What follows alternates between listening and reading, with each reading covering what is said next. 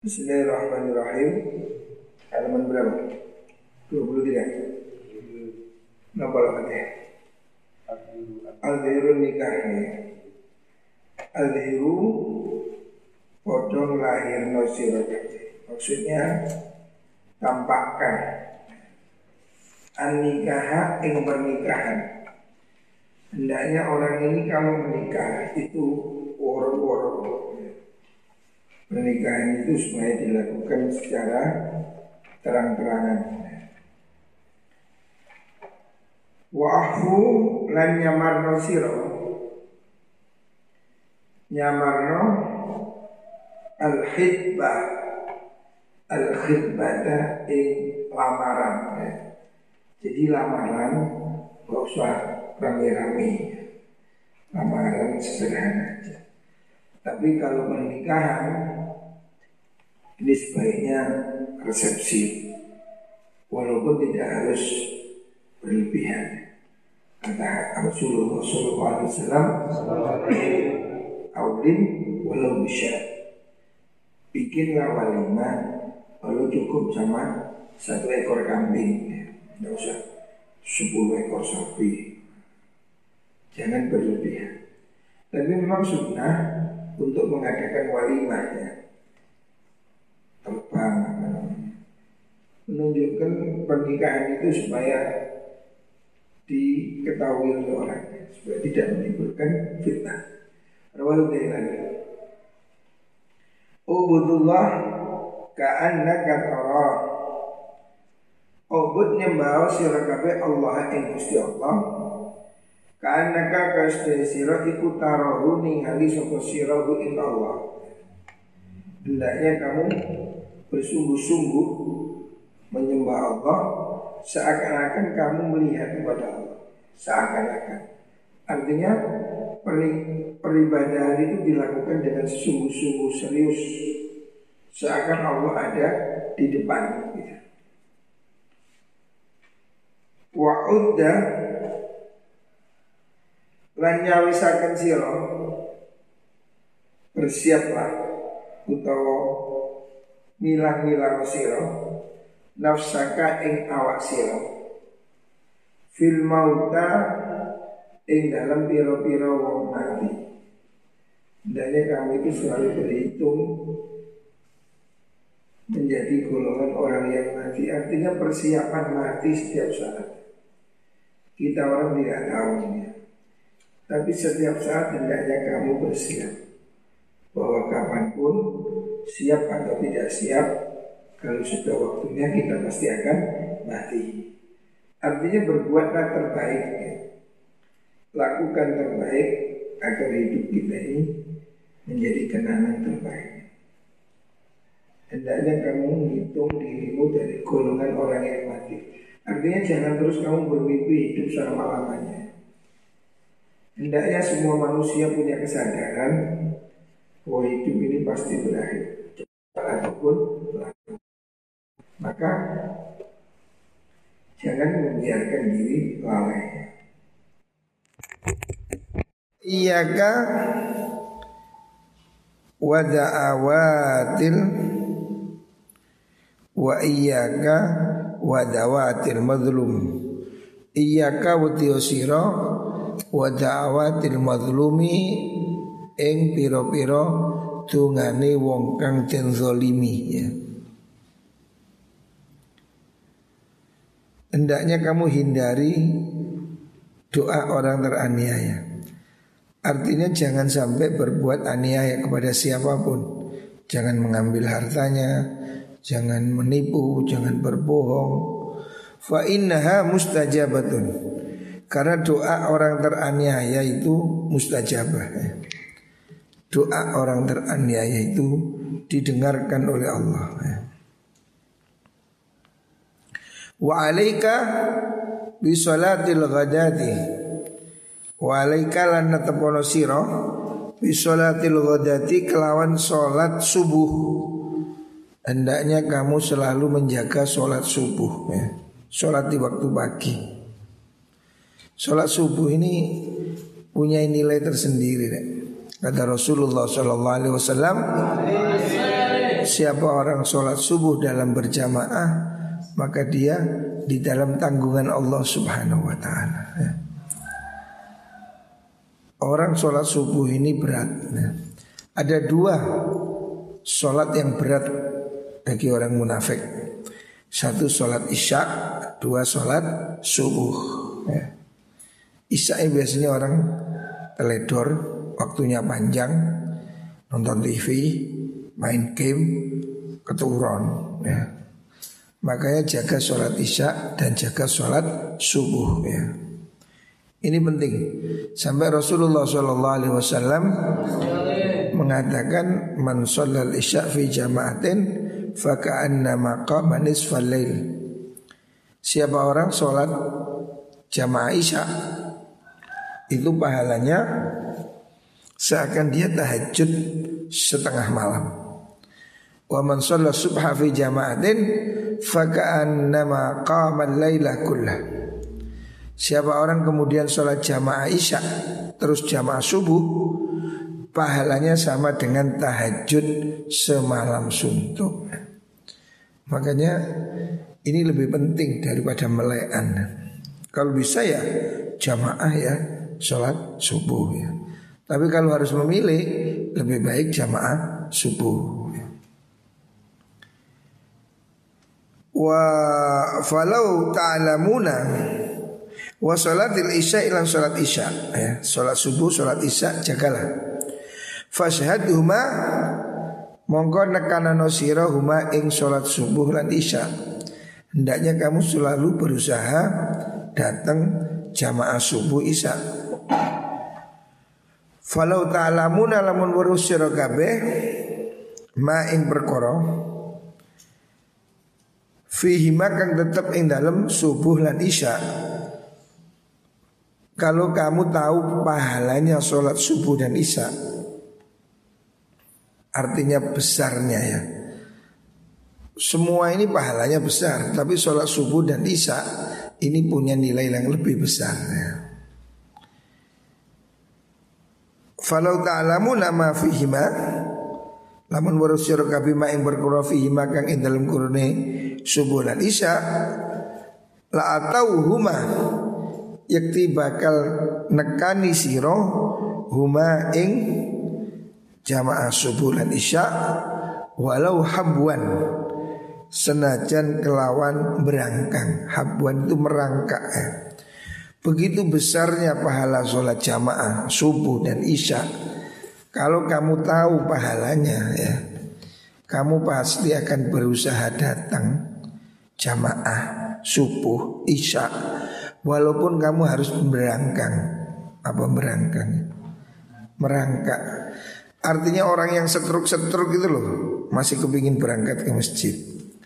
Orang yang lumpuh Orang yang sakit kalau dia menyadari betapa besarnya pahala jamaah subuh dan jamaah isya, dia akan berusaha berangkat walaupun dengan merangkak. Nah, artinya kalau cuma sakit dikit-dikit, ngeluh, pilek, jangan tinggalkan jamaah. Ya. Kata Rasulullah SAW, seandainya kamu tahu pahalanya jamaah subuh dan isya, kamu akan datang walaupun merangkak. Ya. Artinya kamu tidak rela ketinggalan jamaah subuh dan isya. Makanya ini harus perhatikan deh. Usahakan bagaimana supaya bisa jamaah subuh. Ya malam hari segera tidur. Ya. Penyakitnya nggak sembahyang subuh itu karena malam hari begadang. Ya. Malam hari ngobrol main game, main HP itu penyakitnya. HP itu menjadi setan kalau kamu tidak sholat subuh. Rata-rata orang hari ini godaannya ya HP-nya itu. HP-nya yang asik, game, YouTube, ya, sampai larut malam sehingga subuh tidak bisa bangun. Ini yang harus dikurangi ya setan gepengnya ini ya. Jauhi ya. Rawahut Tabrani an Abid Darda. Hendaknya kamu menjauhi ya. Jangan seperti itu. Ya. Jangan sampai kamu tidak jamaah subuh. Apalagi di pondok. Ya. Di pondok ini mutlak. Ya. Nah, harus jamaah ini penting. Ya. Rawat Tabrani. Ubudullah ka'annaka tarah. Ubud nyembah sira kabeh Allah ing Allah. Ka'annaka kaya kaya setune sira iku tarahu ningali Allah. Ya. Hendaknya kamu menyembah Allah itu serius Seakan-akan kamu sedang melihat Allah ya. Makanya belajar tauhid itu penting ya. Allah itu bersamamu Allah itu bukan di Mekah Allah itu wa ma'akum aina kuntum Allah itu bersamamu di mana pun kamu berada Makanya kalau kamu sholat Hendaknya kamu merasa Allah itu ada di depanmu. Kamu sedang sholat melihat Allah ya. dengan mata hati tentunya. Fa'ilam takun tarahu Fa'ilam takun namun ora ono kabeh iku tarahu ningali sira hu ing Allah kalau kamu tidak bisa melihat Allah dalam bayangan hatimu kamu tidak bisa melihat dia Fa inna usdin Allah iku yaraka ningali sapa Allah ka ing sira. Kalau kamu tidak merasakan bisa melihat Allah ya maka yakinilah bahwa Allah itu melihatmu ya. Allah itu melihat kita di mana hari ini saat ini Allah melihat kita sehingga orang ini hidupnya hati-hati karena merasa sedang diperhatikan oleh Gusti Allah. Kamu dipandang CCTV aja kan takut. Allah itu wah bukan segera CCTV ya. Manusia ini lebih takut CCTV daripada Allah. Makanya melanggar, bohong. Padahal dia itu dilihat oleh Gusti Allah. Allah melihatmu.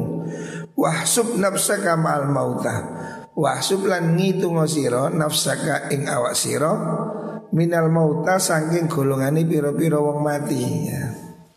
Hendaknya kamu itu menghitung dirimu sudah masuk kelompok orang yang meninggal. Artinya jangan enak-enakan di dunia ini. Jangan tenang-tenang ya. Urip mung mampir ngumbi kata orang Jawa.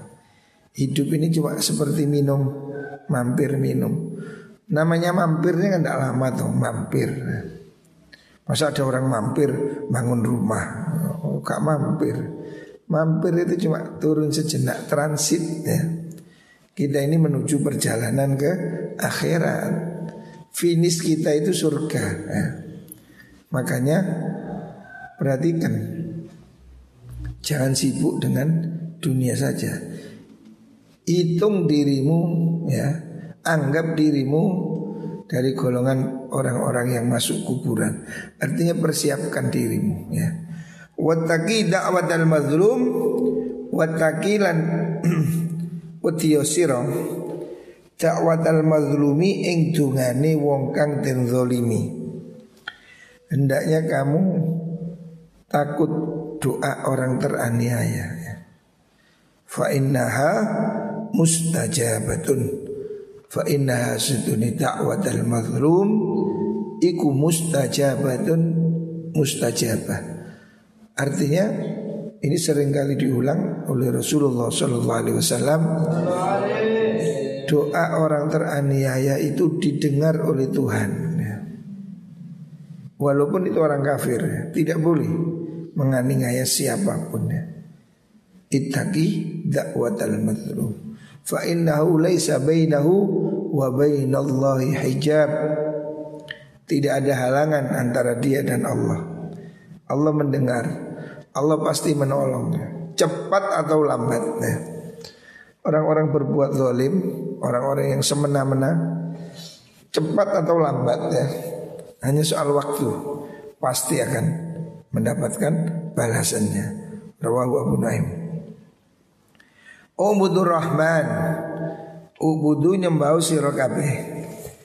Ar-Rahman ing Gusti Allah kang Maha Rahman Sembahlah Allah yang Maha Rahman. Ubud bawa syur orang Yang mau belas asih. Wa at'imu Lan Awe mangan syur kabe Awe mangan syur kabe Atau ama ing panganan ya. Ubudur Rahman Kenapa kok Allah menyebutkan Ar-Rahman dari 99 nama Allah. Karena Ar-Rahman ini rahmat Allah yang maha luas ya di dunia dan di akhirat. Sesuai dengan at'imut ta'am, berilah makan ya. Jangan jadi pelit ya. Berilah makan. Apalagi bulan Ramadan ya.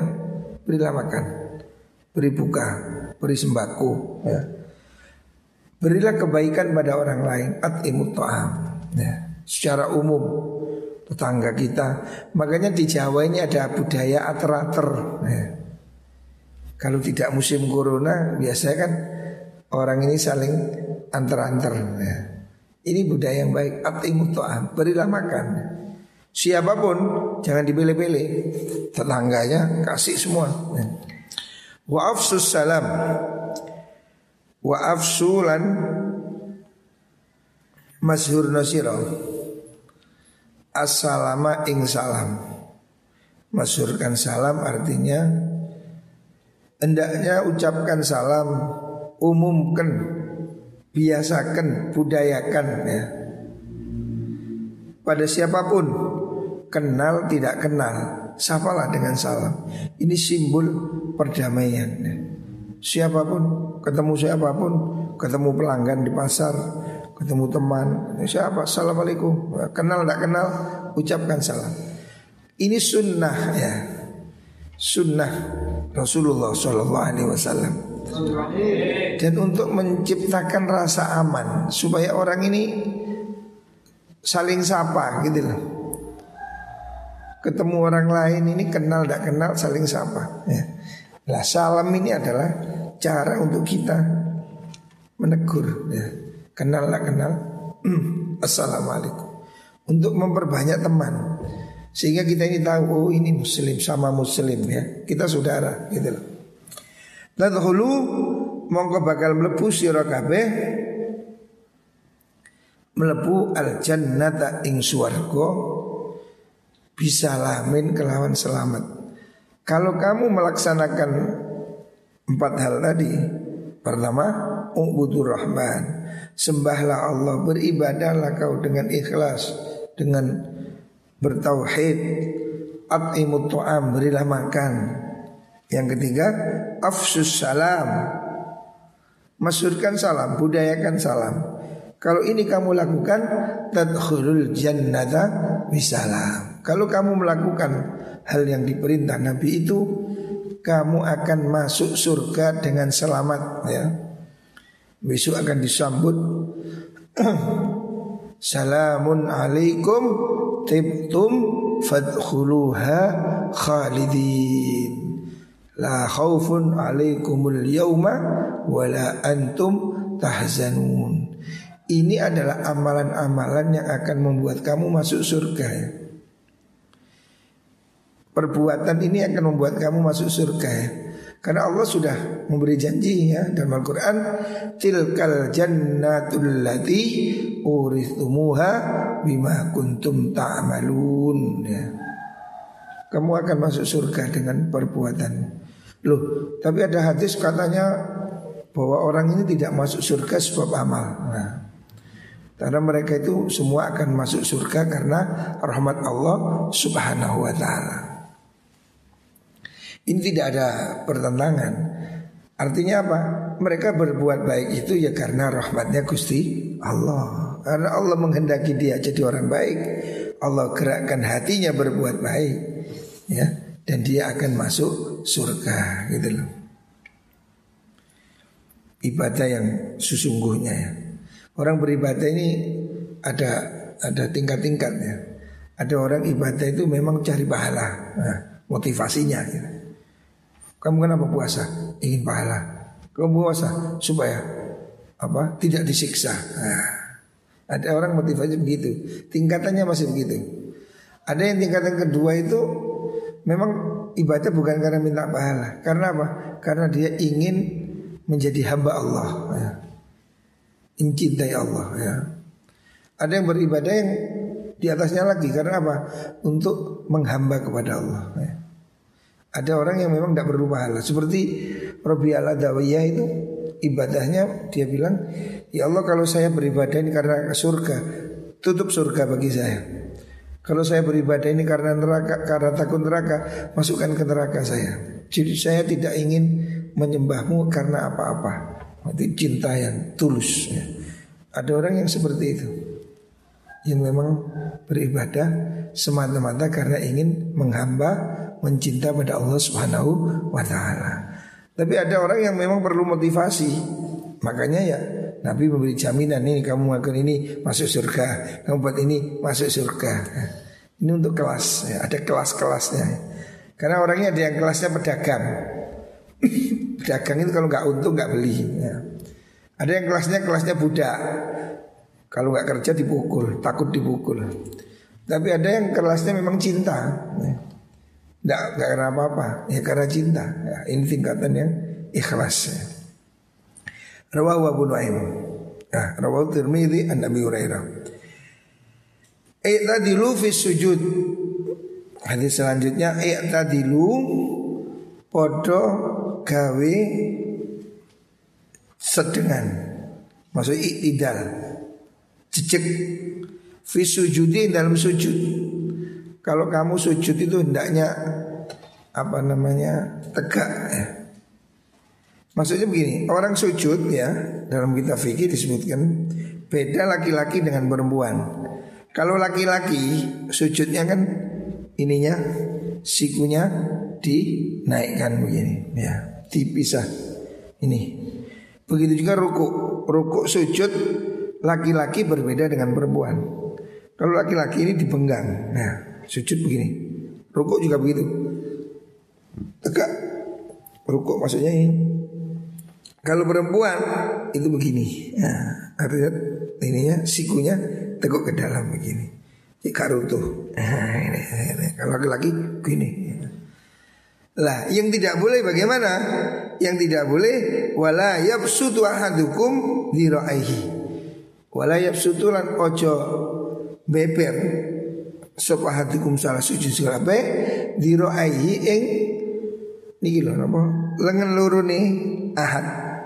Imbisa tol kalbi koyok bebere asu. Yang tidak boleh itu begini ya. Sujud perhatikan. Sujud itu yang tidak tidak boleh itu beginilah sikunya sikut sa, ini sini ditaruh di di beber kayak anjing nih. Kamu tahu anjing? Anjing kalau duduk kan begini ini imbisa tol kalbi jangan kamu sujud seperti ini artinya apa ini siku dan tangannya ini begini kelihatannya nempel begini. Hendaknya sujud itu begini ya tegak gini. Atau kalau perempuan begini.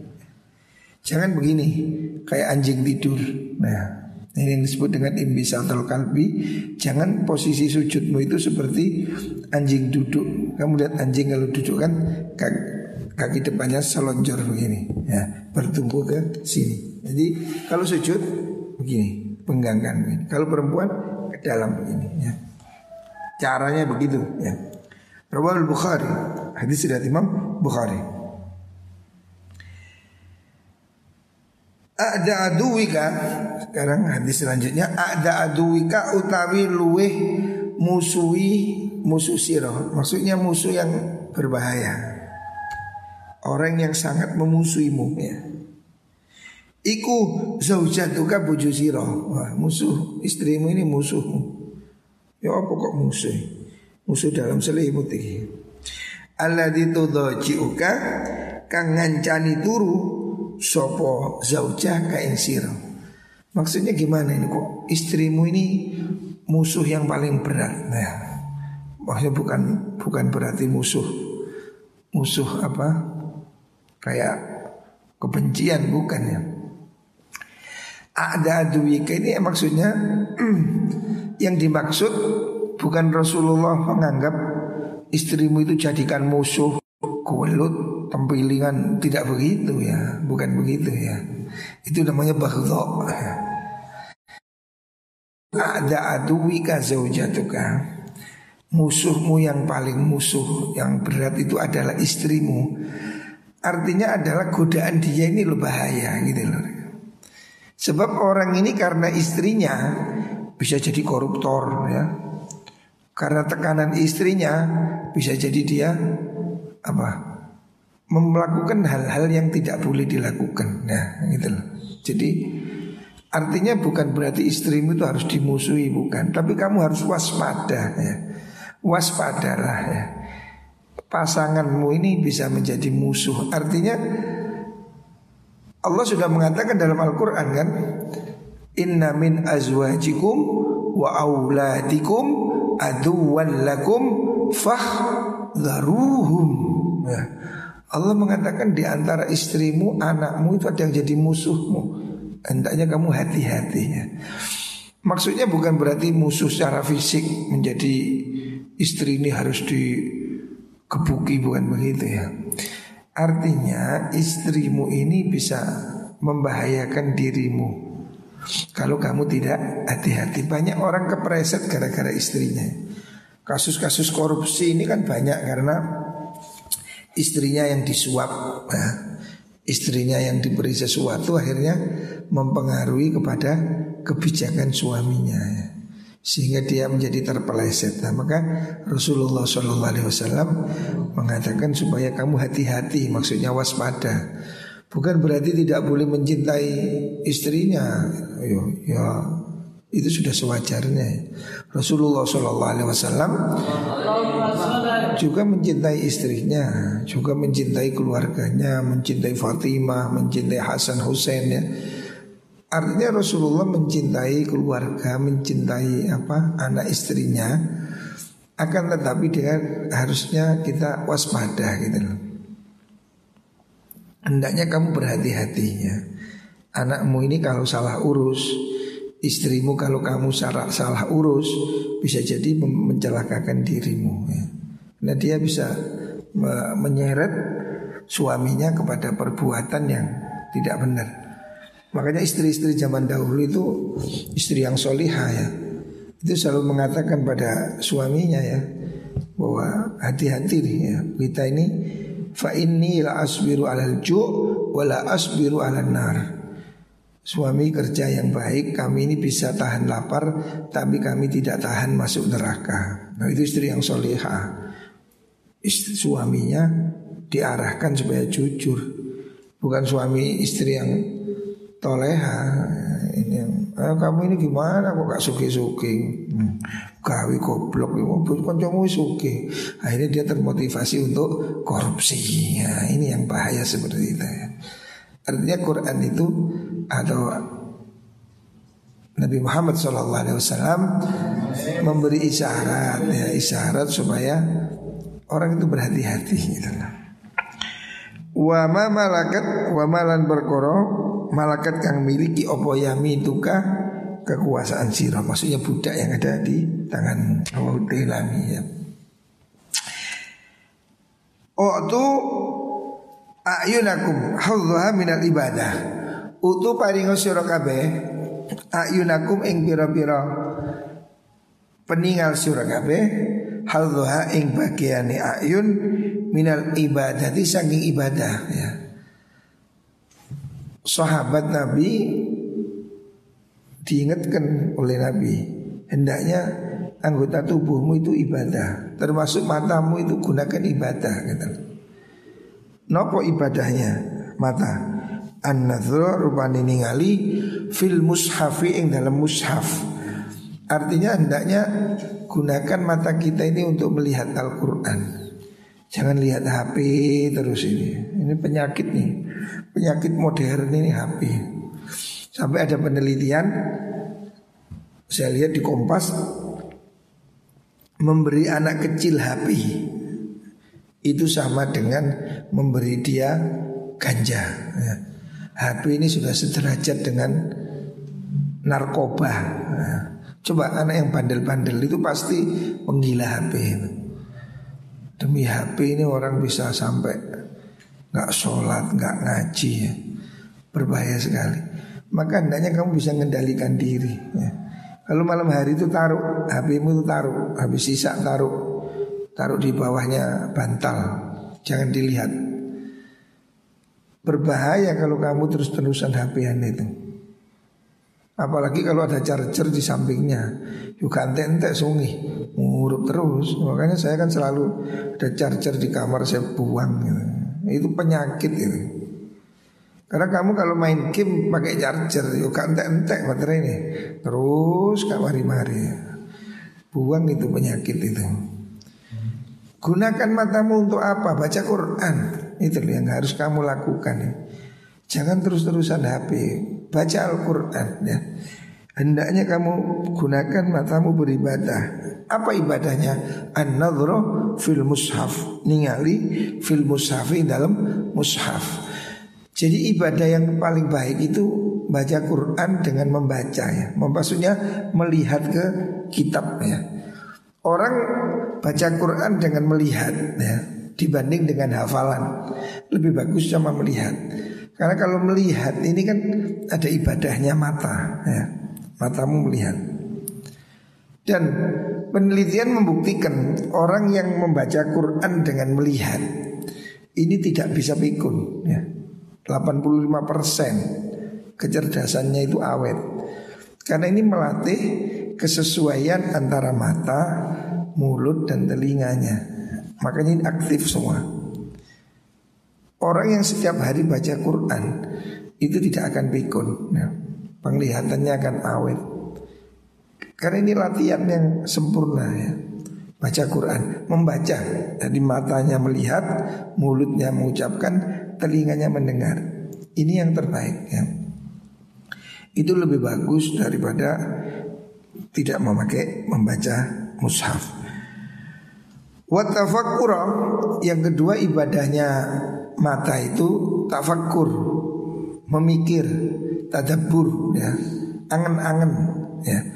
Hendaknya kamu berusaha memahami Al-Quran.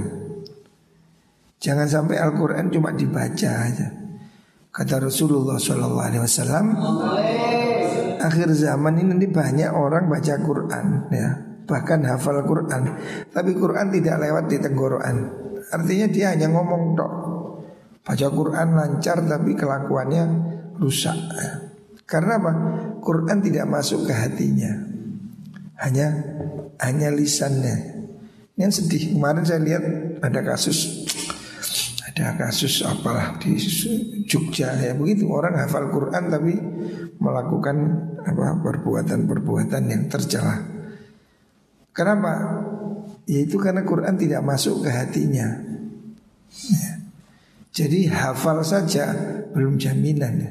Hafal itu jelas bagus ya, baca Quran dapat pahala. Tetapi hendaknya jangan hanya hafal. Yang lebih penting harus tafakkur, tadabbur. Maka Allah mengatakan dalam Al-Quran Kitabun anzalnahu ilaika mubarakun liyadabbaru Quran ini berkah ya penuh berkah.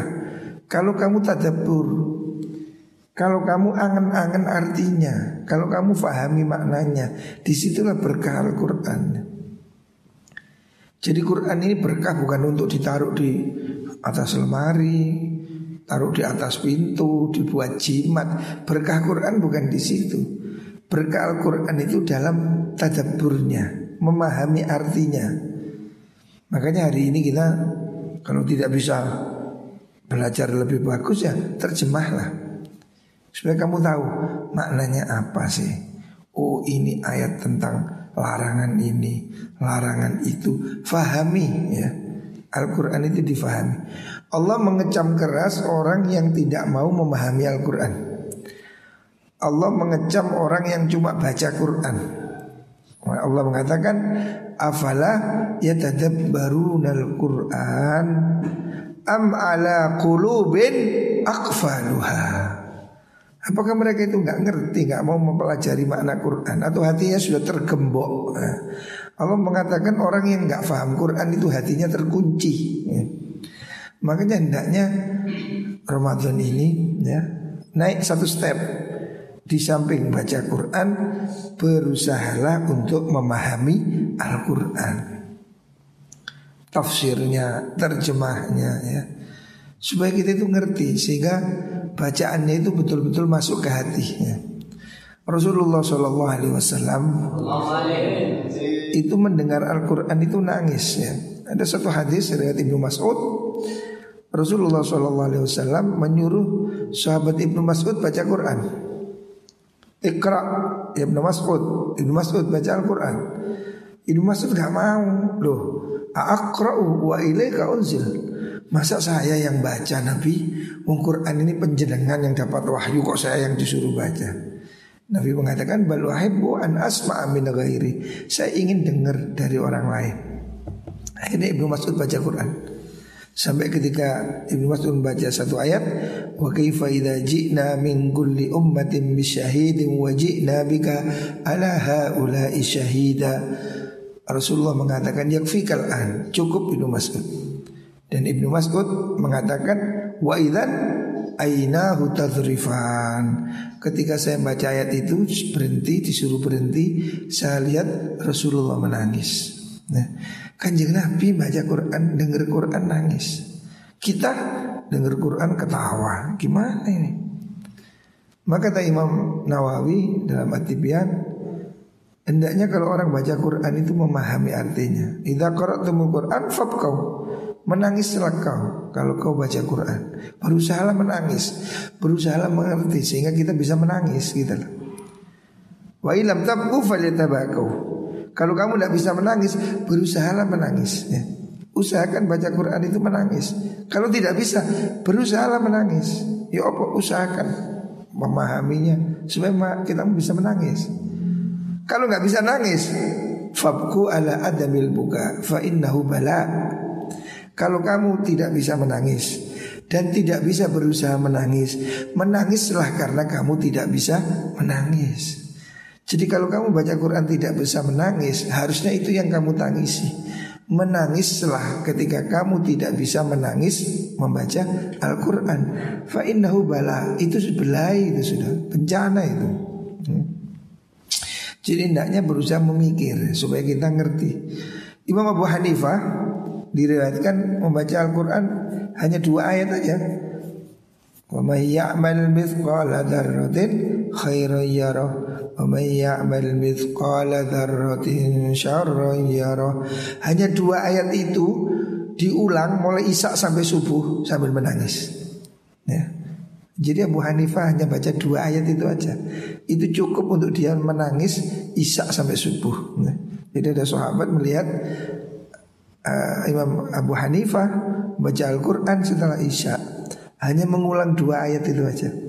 فمن يعمل مثقال ذرة خيرا يره ومن يعمل مثقال ذرة شرا يره membayangkan betapa adilnya Allah siapa orang berbuat baik sekecil apapun zarrah zarrah itu biji yang terkecil atom debu terkecil khairan yarah akan terlihat besok di akhirat sekecil apapun perbuatan baik terlihat akan lihat di depan Allah.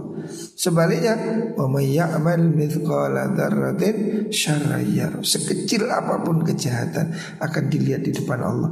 Dia membayangkan betapa menakutkan pengadilan Allah itu. Sekecil debu aja akan terlihat. Lalu itu cukup untuk membuat beliau menangis mulai isya sampai subuh. Hanya dua ayat aja. Kita kadang baca satu juz nggak ngefek. Nah. Karena apa? Gak paham artinya ya. Ada orang baca Quran toyib toyib Karena apa? Gak tahu artinya Seandainya kamu tahu artinya ya Pasti menangis ya Maka apa yang harus kita lakukan? Introspeksi.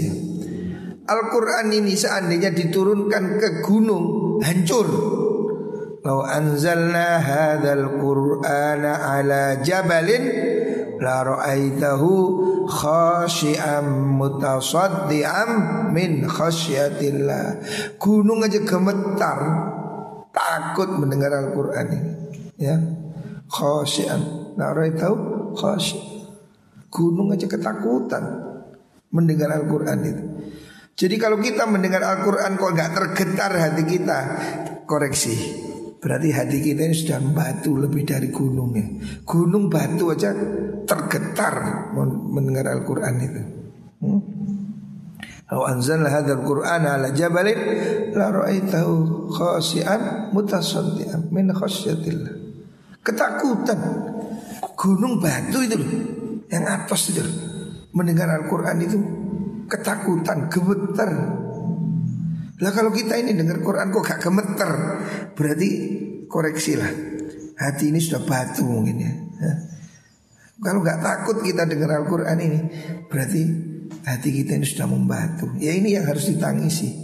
Menangislah karena kita tidak bisa menangis baca Al-Quran. Mungkin hati kita sudah sudah sedemikian keras ya. Maksiat sudah sedemikian banyak sehingga hati ini tidak tergetar sama sekali oleh Al-Quran. Nah, maka Nabi mengatakan tafakur. Hendaknya kamu fikirkan Al-Quran itu. Ya. Fahami Al-Quran. Ya, tadabur. Ya supaya kita ini memahami mendapat berkah dari Al-Quran ya. Harus ngertilah Al-Quran ini kan ada Apa namanya Perintah-perintah Ada larangan-larangan Ada nasihat-nasihat Ada kisah-kisah ya Balago, isyarah, keajaiban Macam-macam ya isi Al-Quran kalau kita fahami itu luar biasa. Dan orang yang memahami Al-Quran pasti hatinya akan lembut ya. Dulu kata nenek saya, ayah kakek saya, Bayanwar itu mondoknya di Panji, di sidoarjo. Gurunya, guru kakek saya namanya Kiai Khozin. Itu kalau baca Quran katanya nangis luar biasa sehingga dia sampai tidak mau jadi imam di masjid. Karena kalau dia baca Quran orang sak masjid tangis-tangisan. Dia tergetar oleh bacaan dia itu sehingga dia kalau baca Quran tadabbur menangis dan orang sak masjid menangis semua. Karena hatinya betul-betul bergetar. Hari ini orang baca Quran nangis diketawain. Wal i'tibara inda ajaibi. Wal i'tibara lan ngalap i'tibar bi ajaibihi kelawan piro-piro keajaiban Al-Quran. Ya hendaknya kita ini mengambil itibar. Oh Allah itu menceritakan dalam Al-Quran tentang apa keajaiban-keajaiban yang Allah tunjukkan dalam Al-Quran banyak hal. Dunia modern hari ini sudah mengakui kehebatan Al-Quran. Termasuk profesor dari Perancis yang meneliti mumi Fir'aun bawahnya. Fir'aun itu kan Allah katakan di Al-Quran Al-an nunajjika bi badanika. Aku selamatkan kau dengan tubuh. Ada tubuh Fir'aun itu memang diawetkan, diabadikan oleh Allah supaya menjadi ayat. Dan ternyata setelah mumi Fir'aun dibedah memang ada garamnya di dalamnya itu. Jadi betul-betul dia dulu tenggelam. Jadi cerita Quran ini tidak bohong. Bahwa Fir'aun itu dulu tenggelam di lautan. Karena setelah sekarang diitopsi mayat Fir'aun itu ternyata memang di jantungnya, di parunya ada garamnya. Dan itu tidak mungkin kalau dia tenggelam di lautan. Teknologi hari itu belum memungkinkan pengawetan pakai garam. Loh, itu keajaibannya. Al-Quran ini menunjukkan banyak hal yang harusnya kita fahami sehingga kita ini tadabur, nah, menghayatinya. Ini harus kita lakukan ya, supaya kita dapat manfaat dari Al-Quran ya. Ini moga-moga membuat kita semakin faham pada Al-Quran